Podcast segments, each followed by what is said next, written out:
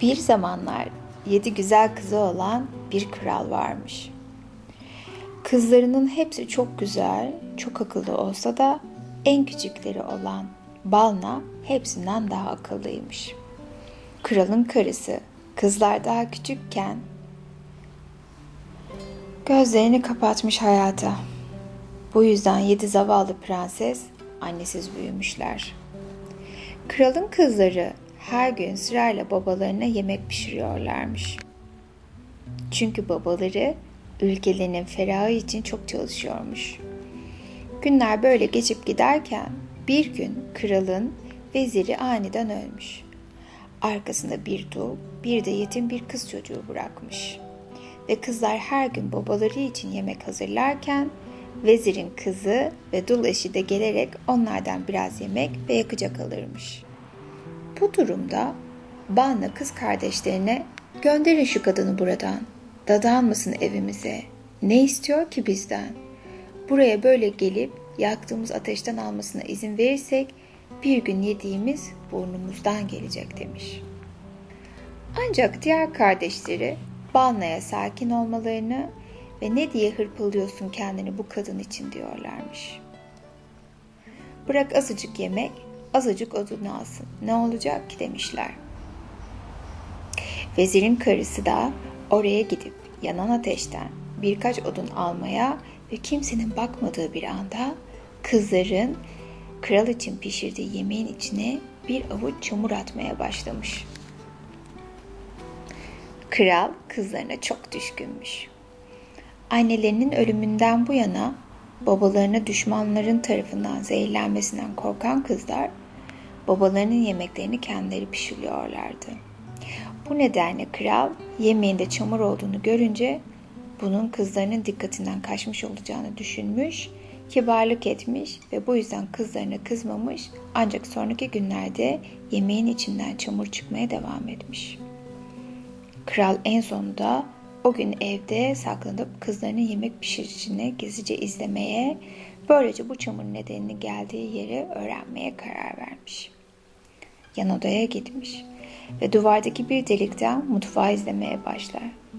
Kızlar pirinçleri dikkatlice ayıklıyor, yemeği hazırlıyor ve pişmesi için ateşin üstüne koyuyorlarmış. Daha sonra vezirin dul karısı kapıya gelmiş. Yemek pişirmek için ateş yakacağını söyleyerek birkaç odun istemiş. Banu öfkeyle kadına dönüp her gün buraya gelip odun alıyorsun. İyice hazırcılığa alıştın sen. Kızlar vermeyin bu kadar kadına odun filan. Gitsin kendi alsın odununu demiş. Bunun üzerine en büyük kardeş araya girerek Balna bırak kadın azıcık odun alsın. İki parça odun yüzünden ateşsiz kalacak değiliz ya demiş. Balna da eğer buraya her gün gelmeye devam ederse bir gün başımıza bir şey getirecek ve çok pişman olacaksınız diye cevap vermiş. Kral daha sonra vezirin dul karısının üzerinde yemeklerin piştiği ateşe yaklaştığını ve odunları alırken yemeklerin içine birer avuç çamur attığını görmüş. Bu duruma çok sinirlenen kral hemen saklandığı yerden çıkmış, adamlarını kadını tutup yanına getirmelerini emretmiş. Ancak dul kadın bütün bunları kralın huzuruna çıkabilmek için yaptığını söylemiş. O kadar zekice şeyler söylemiş, güzel sözleriyle herkes öyle büyülemiş ki kral kadınla evlenmiş, onu karısı yapmış ve kadın da kızıyla birlikte kralın sarayına yerleşmiş. Yeni kraliçe yedi prensesten nefret ediyor, bir yolunu bulup onlardan kurtulmayı düşünüyormuş. Böylece kralın bütün zenginliği kendi kızına kalacakmış. Bu nedenle ona yaptıkları iyiliklerden dolayı minnettar olacağına ve kralın yedi prensesi hayatı zindan etmek için elinden geleni ardına koymuyormuş. Yiyecek bir parça kuru ekmekten başka bir şey vermiyor, içmeleri için ancak birer yudum su koyuyormuş önlerine. O güne kadar rahat rahat yaşamaya alışmış olan prensesler çok mutsuzlarmış. Her gün annelerinin mezarına gidiyor, ağlayarak şunları söylüyorlarmış. Ah canım annem, gördün mü zavallı kızlarının başına geleni? Bu üvey anne açlıktan öldürecek bizi. Bir gün Yine kızlar annelerin mezarlarında ağlarken mezarda bir anda güzel bir greyfurt ağacı yükselmiş. Aman ya Rabbi, ağaç öyle güzel, meyveleri öyle taze ve suluymuş ki kızlar greyfurtları yiyerek karınlarını doyurmuşlar. Ve o günden sonra her gün üvey annelerinin önlerine koyduğu tatsız yemekleri yemek yerine annelerinin mezarındaki bu güzel ağacın meyvelerini yemeye başlamışlar. Bir gün kraliçe kızına dönerek nasıl oluyor anlamıyorum. Bu kızlar her gün önlerine koyduğum yemeği ellerinin tersiyle itiyorlar. Bir lokma bile yemiyorlar. Ama ne zayıflıyorlar ne de hastalanıyorlar. Ve senden bile sağlıklı görünüyorlar. Hiç anlam veremiyorum bu olanlara demiş. Ve kızına bu yedi prensesi gezici izlemelerini onları yemek veren biri olup olmadığını öğrenmesini istemiş. Böylece ertesi gün prensesler annelerinin mezarına gidip güzel greyfurtlarla karınlarını doyururken kraliçenin kızı onları izlemiş ve olanları görmüş. Bu esnada Banla kız kardeşlerine şu kız bizi izliyor görüyor musunuz demiş. Ya onu buradan kovmayalım ya da meyveleri saklayalım. Yoksa gidip annesine anlatacak her şeyi. Kim bilir ne işler açar başımıza. Ama kız kardeşleri bu kadar nezaketsiz olma balna demişler. Bu kız da annesi kadar zalim olacak değil ya. Gelsin yanımıza bizimle birlikte meyve etsin. Böylece kızı çağırıp ona bir greyfurt vermişler. Kız meyveyi yer yemez koşarak eve gidip annesine tabi yemez prensesler senin verdiğin yemekleri. Annelerin mezarında kocaman bir greyfurt ağacı var. Gidip meyve yiyorlar orada bütün gün. Ben de bir tane yedim. Hayatımda yediğim en lezzetli şeydi demiş. Bunu duyan zalim kraliçe içten içe çok sinirlenmiş. Ertesi gün odasından çıkmamış ve kralın başının çok ağrıdığını söylemiş. Buna çok üzülen kral karısına onun için yapabileceği bir şey olup olmadığını sormuş. Kadın, başının ağrısını geçebilecek tek bir şey varmış. Ölen karısının mezarında bir greyfurt ağacı var. O ağacı getirip köküyle dalıyla bir kazanda kaynatıp bu suyun birazını alnıma sürmesini rica ediyorum demiş. Kral adamlarını göndermiş. Güzel greyfurt ağacını köklerinden sökmüşler ve kraliçenin istediklerini yapmışlar. Ağacın köklerinin dallarının içinde kaynadığı bu suyun alnına sürdüğünde Rani artık çok daha iyi hissettiğini söylemiş. Ertesi gün yedi prenses annelerinin mezarına gittiğinde greyfurt ağacının ortadan kaybolduğunu görmüşler. Üzüntüden ağlamaya başlamışlar. Mezarın yanında küçük bir gölet varmış. Kızlar ağlaşırken göletin hamur benzeri bir şeyle dolduğunu görmüşler. Ve bu hamur hemencik büyük bir ekmeğe dönüşmüş. Bunu gören prensesler çok sevinmişler. Ekmekten biraz yemişler. Tadı çok güzelmiş. Sonraki günler aynı şey olmuş. Her sabah prensesler annelerinin mezarına gidiyor, göletin içinde lezzetli ekmeği buluyorlarmış. Bu günlerden birinde üvey anneleri kızına dönerek hiç anlamıyorum. Annelerin mezarındaki greyfurt ağacını kökünden söktürttüm. Ama prensesler ne zayıflıyorlar ne de mutsuzlar. Üstelik hala onlara verdiğim yemekleri yemiyorlar demiş. Kızı ben onları izlerim anne diye cevap vermiş. Sonraki gün prensesler göletteki ekmeği yerken üvey kardeş çıka gelmiş. Onu ilk gören Bana olmuş. Ve bakın kızlar şu geliyor yine. Göletin kenarına dizilip oturalım ve görmesin ekmeğimizi. Yoksa gidip annesine söyler. Kim bilir neler gelir başımıza demiş. Ancak diğer kardeşler Bana'nın gereğinden fazla şüpheci olduğunu düşünmüşler ve onu dinlemek yerine kraliçenin kızına bir parça ekmek vermişler. Kız da koşarak eve gidip annesine her şeyi anlatmış. Prensesinin keyfinin yerinde olduğunu ve her şeyin çok güzel olduğunu söylemiş ve ekmek daha önce yediği en lezzetli ekmeklerden bir tanesiymiş. Ve bunu duyan kraliçe çok öfkelenmiş ve adamlarına ölen kraliçenin mezarını yıkıp yıkıntılarını da gölete doldurmalarını söylemiş. Bununla da yetinmeyip bir plan yapmış. Ertesi gün yatağından çıkmamış. Neredeyse ölecek kadar hasta olduğunu söylemiş. Bu duruma çok üzülen kral, karısını iyi etmek için elinden gelen her şeyi yapacağını söylemiş. Bunun üzerine kraliçe, hayatımı ancak tek bir şey kurtarabilir ama biliyorum bunu yapamazsın demiş. Kral, yaparım yeter ki sen iyi ol, yemin ederim ne istersen yaparım diye cevap vermiş. Kadın, benim hayatımı kurtarmak istiyorsan ilk karından olan yedi kızını da öldürmeli, onların kanını anlama ve avuç içlerime sürmelisin. Böylece onların ölümü bana hayat olacak demiş. Bu sözleri duyan kral dehşete düşmüş.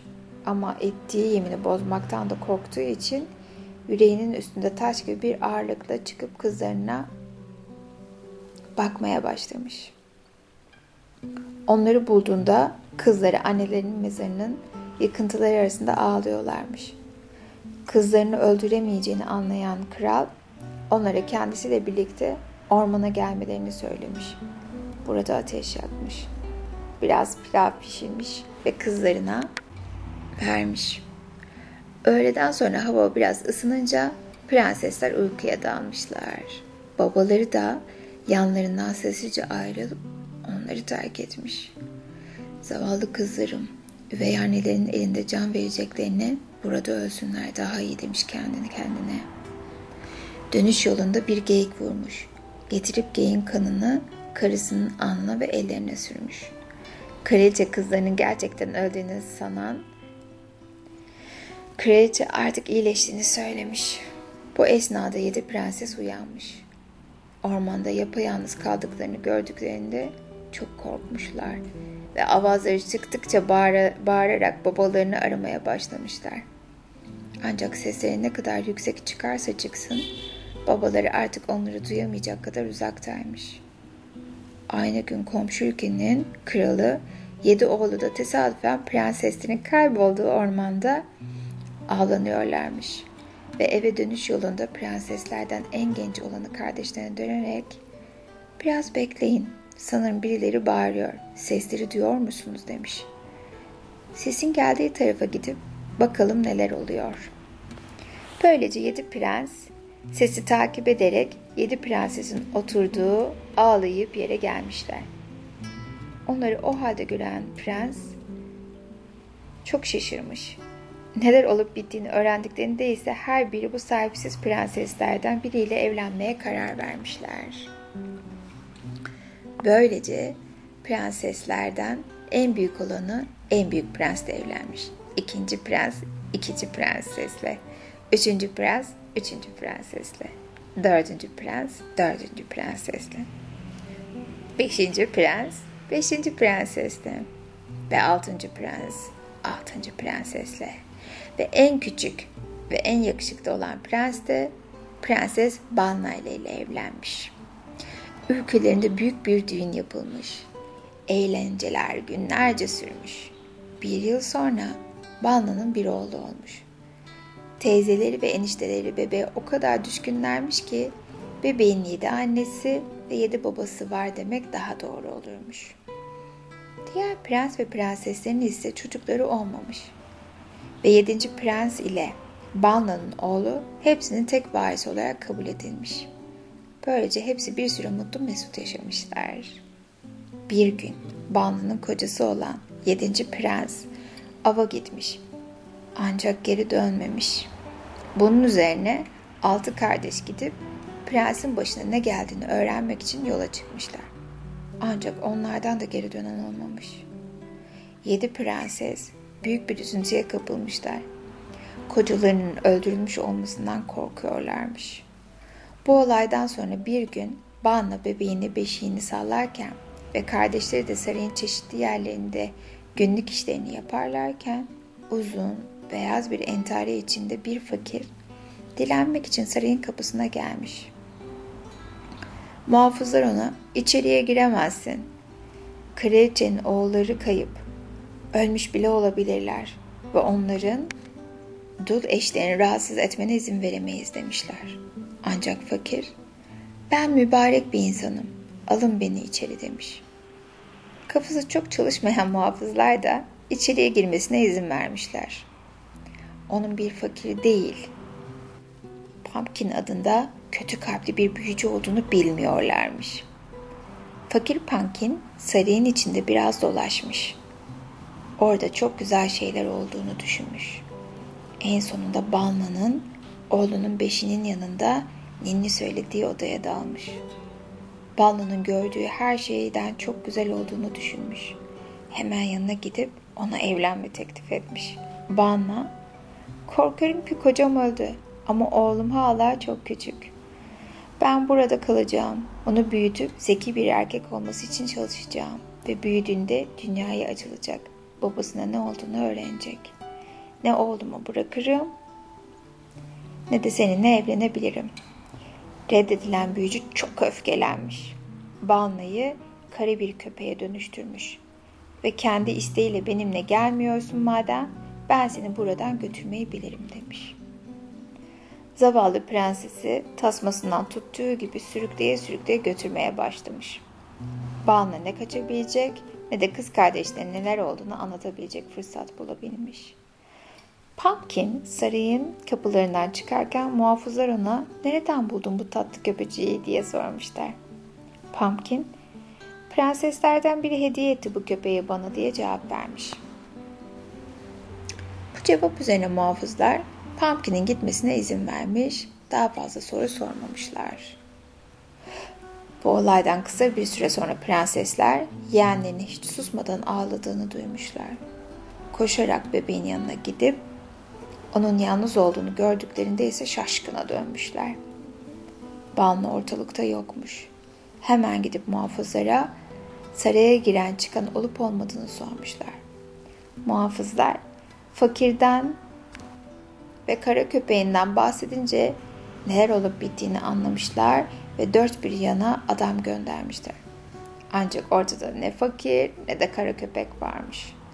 Altı zavallı kadın ne yapsın? Zaten kocalarını bir daha görmekten umudu kesmişler. Bir de üstüne kız kardeşlerini kaybetmişler. Ellerinden hiçbir şey gelmediği için kendilerini minik yeğenlerini yetiştirmeye ve onu eğitmeye adamışlar.'' Ve böylece yıllar geçmiş. Balna'nın oğlu 14 yaşına basmış. Bir gün teyzeleri oğlanı karşılarına alıp ailende olup biten her şeyi anlatmışlar. Oğlan bunları duyar duymaz anne ve babasına ve amcalarını aramak, onları canlı bulurlarsa da evlerine getirmek için inanılmaz bir arzuyla yanıp tutuşmaya başlamış. Ancak onun bu kararlılığını gören teyzeleri çok endişelenmiş. Ve zaten kocalarımızı kaybettik. Kardeşimizi ve babamızı da kaybettik. Elimizde bir tek sen varsın. Onlardan yadigar. Sen de gidersen biz ne yaparız diyerek onu vazgeçirmeye çalışmışlar. Ancak artık gitmeyi kafasına koymuş olan oğlan teyzelerim ne olur korkmayın yakında geri döneceğim. Hatta belki yanımda annem, babam ve amcalarım da olur demiş ve yola çıkmış. Aylarca yol almasına rağmen en ufak bilgi kırıntısına bile bulamamış. En sonunda yüzlerce kilometre yol gittikten sonra tam ailesinin izini bulmaktan umudu kesmek üzereyken her yeri taşlarla, kayalarla ve ağaçlarla kaplı bir ülkeye gelmiş. Burada çok yüksek kulesi olan bir saray, sarayın hemen yanı başında ise bir seyyahın küçük bir evi varmış. Oğlan etrafa bakınırken seyyahın karısı da onu görmüş. Evden dışarı koşmuş. Oğlum nasıl geldin sen bu tehlikeli diyarlara diye sormuş. Oğlan ben bir kralın oğluyum. Buraya babamı, amcalarımı ve kötü bir büyücünün kaçırdığı annemi aramaya geldim demiş. Bunun üzerine seyyahın karısı bu ülke ve bu saray çok büyücüye aittir demiş. Çok güçlü bir büyücüdür. Eğer onu kızdıran olursa onları taşlara, ağaçlara çevirir. Şu gördüğün kayaların, ağaçların hepsi bir zamanlar kanlı canlı insanlardı. Onları bu büyücü hale getirdi. Uzun zaman önce Buraya kralın oğlu geldi. Arkasında altı kardeşi vardı. Büyücü onları bu taşlara çevirdi. Büyücünün gazabına uğrayan yalnızca onlar değildi üstelik. Bak şu yüksek kulelerdeki dünyalar güzeli bir prenses var. 12 yıldır büyücünün tutsağı. Onunla evlenmeyi kabul etmediği için ona işkence ediyor büyücü. Bu sözleri duyan küçük prens, bunlar benim annem, babam ve amcalarım olmalı. Sonunda aradığımı buldum diye düşünmüş. Seyyah'ın karısına ailesinin başına gelenleri anlatmış ve biraz daha bilgi toplamak için evinde kalmasına izin vermesini rica etmiş. Kadın bu ricayı kabul etmiş ve oğlanı büyücüden saklanmak için kılık değiştirmesini söylemiş. Yoksa onun da babasının ve amcalarının kaderini paylaşması için yapabileceği hiçbir şey olmadığını söylemiş. Prens kadının dediğini yapmış. Kadın oğlana bir sürü sarı giydirip kızı gibi göstermiş. Kısa bir süre sonra büyücü bahçesinde gezinirken küçük bir kız kılındaki prensi görmüş ve yaşlı kadına onun kim olduğunu sormuş. Kadın onun seyyahının kızı olduğunu söylediğinde büyücü oğlana yaklaşarak ne güzel bir kızsın sen. Yarın benim için kulede yaşayan hanıma çiçekler götür olur mu demiş. Bunu duymak prensi çok mutlu etmiş. Hemen gidip bunu seyyahın karısına anlatmış. Biraz düşündükten sonra kadın oğlana bu kız kılığında saklanmaya devam etmesini ve eğer kuledeki kadın gerçekten annesi ise onunla konuşabilmek için fırsat kollamasını söylemiş. Düğün günlerinde kocası Banna'ya üzerinde kendi isminde yazılı olduğu bir yüzük vermiş. Bebeği doğduğunda Banna bu yüzüğü onun parmağına takmış ve oğlan büyüdükçe de teyzeleri bu yüzüğü sürekli genişletmişler ki onu takmaya devam edebilsin. Seyyahın karısı oğluna bu yüzüğü annesine vereceği çiçeklerin sapına saklamasını, yüzüğü tanıyıp tanımayacağına bakmasını söylemiş. Ancak bunu yapmak o kadar kolay olmayacakmış. Çünkü prenses kimseyle konuşmasın diye başında gece gündüz nöbetçiler bekliyormuş. Ve seyyahın kızı her gün oraya çiçek götürecek olsa bile odada sürekli büyücü ya da köleleri bulunuyormuş. Günler sonra nihayet kader oğluna gülmüş ve kimsenin bakmadığı bir anda yüzüğü çiçeğin demetine bağlayıp balnanın ayaklarının dibine atmış. Yüzük bir çınlamayla yere çarptığında Balna ve tuhaf sesin nereden geldiğini anlamak için aşağı bakmış. Ve çiçeklerin arasında yüzüğü bulmuş. Yüzüğü tanımış ve oğlunun buraya gelene kadar başından geçenleri dinlemiş. Oğlunun onu bulmak için buralara kadar gelip hayatını tehlikeye atmasına çok şaşırmış. Büyücüyle evlenmeyi kabul etmediği için 12 yıldır bu kulede tutulduğunu söylemiş. Ve başında o kadar çok nöbetçi varmış ki bugüne kadar kaçmayı aklından ucundan bile geçirmemiş. Balna'nın oğlu zeki bir çocukmuş. Korkma anne. Önce büyücünün gücünün nerelere ulaşabileceğini görmemiz lazım. Böylece yıllardır taşlar ve ağaçlar şeklinde tutsak edilmiş babamı ve amcalarımı kurtarabiliriz. 12 yıl boyunca ondan nasıl nefret ettiğini gösterdin ona. Artık biraz kibar davran. Artık kocanı görmekten umudunu kestiğini, yeteri kadar yaz tuttuğunu ve onunla evlenebileceğini söyle. Sonra gücünün kaynağını öğrenmeye, onu öldürüp öldüremeyeceğimizi anlamaya çalış. Balna, oğlunun dediklerini yapmaya karar vermiş. Ertesi gün Pumpkin'e haber göndermiş ve söylemesi gerekenleri söylemiş. Bu duruma çok sevinen büyücü düğünlerinin bir an önce olmasını istemiş. Ancak Balna evlenmeden önce biraz süre istemiş. Birbirlerini daha yakından tanımaları, bunca yıl düşman olduktan sonra yavaş yavaş birbirlerine alışmaları gerektiğini söylemiş. Söylesene demiş. Ölümlü müsün sen de benim gibi? Ölüm sana erişebilir mi? İnsanlar gibi acı çekebilir misin? Neden bunları soruyorsun demiş büyücü. Bana eğer eşin olacaksam hakkında her şeyi bilmem gerekir. Ve eğer günün birinde bir musibet seni tehdit edecek olursa onun üstesinden nasıl geleceğini bilmeliyim diye cevap vermiş. Doğru söylüyorsun demiş büyücü. Anlatayım sana o zaman. Buradan binlerce kilometre uzakta sık bir ormanla kaplı terk edilmiş bir ülke var. O ormanın ortasında palmiye ağaçlarından bir çember. Bu çemberin ortasında birbiri üstünde duran suyla dolu altı küp var. Altıncı küpün altında bir kafesin içinde küçük yeşil bir papağan var. Bu papağanın hayatı benim hayatıma bağlı. Papağan ölecek olursa ben de ölürüm. Ancak bu ülke neredeyse dünyanın öbür ucunda. Hem de benim emrimle binlerce asker bu palmiye ağaçlarının etrafında nöbet tutuyor. Biri ona yaklaşacak olsa bile askerler onu oracıkta yok ederler. Bana Pumpkin'in söylediklerini oğluna anlatmış ve oraya gidip papağanı öldürmekten vazgeçmesini istemiş. Ancak prens, anne ben o papağanı öldürmezsem ne seni ne babamı ne de amcalarımı kurtarabilirim. Korkma. Kısa süre sonra döneceğim. Sen de burada büyücüye iyi davran. Evliliği sürekli ertele. O bu ertelemelerin sebebini anlamadan ben dönmüş olacağım demiş ve yola koyulmuş. Hiç durmadan günlerce, gecelerce yol alan prens sonunda sık bir ormana gelmiş çok yorgun olduğundan bir ağacın altında oturmuş ve oracıkta uyuyakalmış. Onu uykusundan uyandıran hafif bir hışırtı olmuş. Etrafına baktığında altında uyuduğu ağacın tepesindeki bir kartal yuvasına doğru sürünen bir yılan görmüş. Yuvada iki yavru kartal varmış.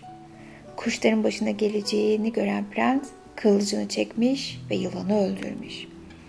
O anda havada bir ses duyulmuş. Bunlar yavruları yiyecek bulmak için yuvadan ayrılan kartallarmış.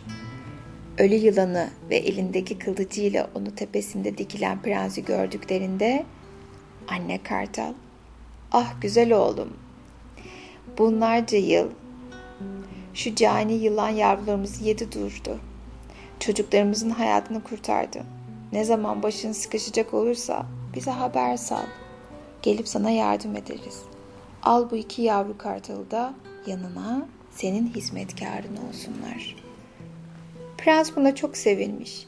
İki yavru kartal onu kanatlarının üstünde uçurmuşlar. Ve beraberce sık ormanların üzerinde uçmaya başlamışlar. En sonunda palmiye ağaçlarında oluşan çemberi bulmuşlar. Bu çemberin ortasında tıpkı oğlanın annesine söylediği gibi suyla dolu altı küp varmış. Gün ortası olduğundan hava çok sıcakmış ve bütün askerler ağaçların etrafında uyuyorlarmış. Ancak sayıları o kadar çokmuş ki aralarından yürüyüp de küplere varmanın imkanı yokmuş. Kartalar aşağı doğru süzülmüş, prens üstlerinden atlayıp altı küpü bir çırpıda devirmiş. Küçük papağanı alıp kaftanın içine sokmuş. Prens tekrar kartalların sırtına bindiğinde askerler uyanmış ve korudukları hazine kaybettikleri öğrendiklerinde büyük hüzne boğulmuşlar. Yavru kartallar durmadan dinlenmeden uçmuşlar. En sonunda büyük ağacın tepesindeki yuvalarına varmışlar. Burada prens büyük kartallara yavrularınızı geri alın demiş. Bana çok iyi hizmet ettiler. Eğer bir daha başım sıkışacak olursa yine size geleceğim. Daha sonra yoluna yürüyerek devam etmeye başlamış. Uzun bir yolculuktan sonra büyücünün sarayına varmış. Kapıya oturup papağanla oynamaya başlamış. Onu gören Pumpkin koşarak yanına gelmiş ve oğlum demiş. Nereden buldun o papağanı sen? Hadi ver onu bana. Ne olur. Prens niye verecekmiş papağanımı sana demiş. Benim evcil hayvanım o. Ne zamandır benimle. Büyücü bunun üzerine tamam anladım demiş. Çok seviyorsun papağanı. Vermek istemiyorsun. Peki söyle bakalım. Ya papağanı senden satın almak istersem kaça satarsın? Prens satmam ben papağanımı diyerek cevap vermiş. Giderek korkmaya başlayan büyücü bak ne istersen veririm sana. Yeter ki papağanını sat bana demiş. Bunun üzerine prens kralın taşlara ve ağaçlara çevirdiği yedi oğlunu özgür bırak o zaman demiş. Tamam diye cevap vermiş büyücü. İstediğini yapacağım. Yeter ki o papağanı alayım. Bunu söyledikten sonra asasını sallamış ve Balna'nın kocası ile kardeşleri tekrar insan olmuşlar. Pumpkin hadi artık ver o papağanı demiş. Prens neşeyle öyle kolay değil o işler diye cevaplamış. Bugüne kadar tutsak ettiğin herkesi serbest bırakacaksın.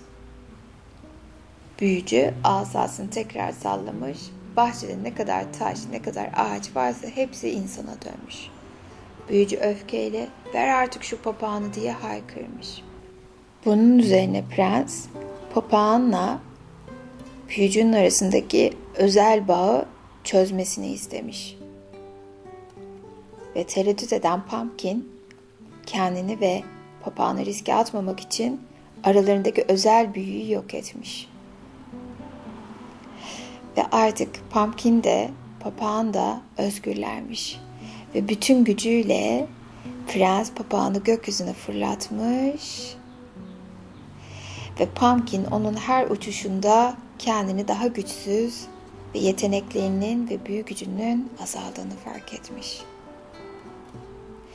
Ve bunun üzerine artık büyücü kendini güçsüz ve yetersiz hissediyormuş. Babası ve amcaları hep birlikte koşup Balna'yı kuleden çıkartmışlar. Hep birlikte ülkelerine dönmüşler ve mutlu bir ömür sürmüşler. Ve birazdan derin ve güzel bir uykuya dalıyor. Ve kendinizi sabahleyin uyandığınızda huzurlu, mutlu ve dinlenmiş hissederek uyanıyorsunuz. Güzel uykular.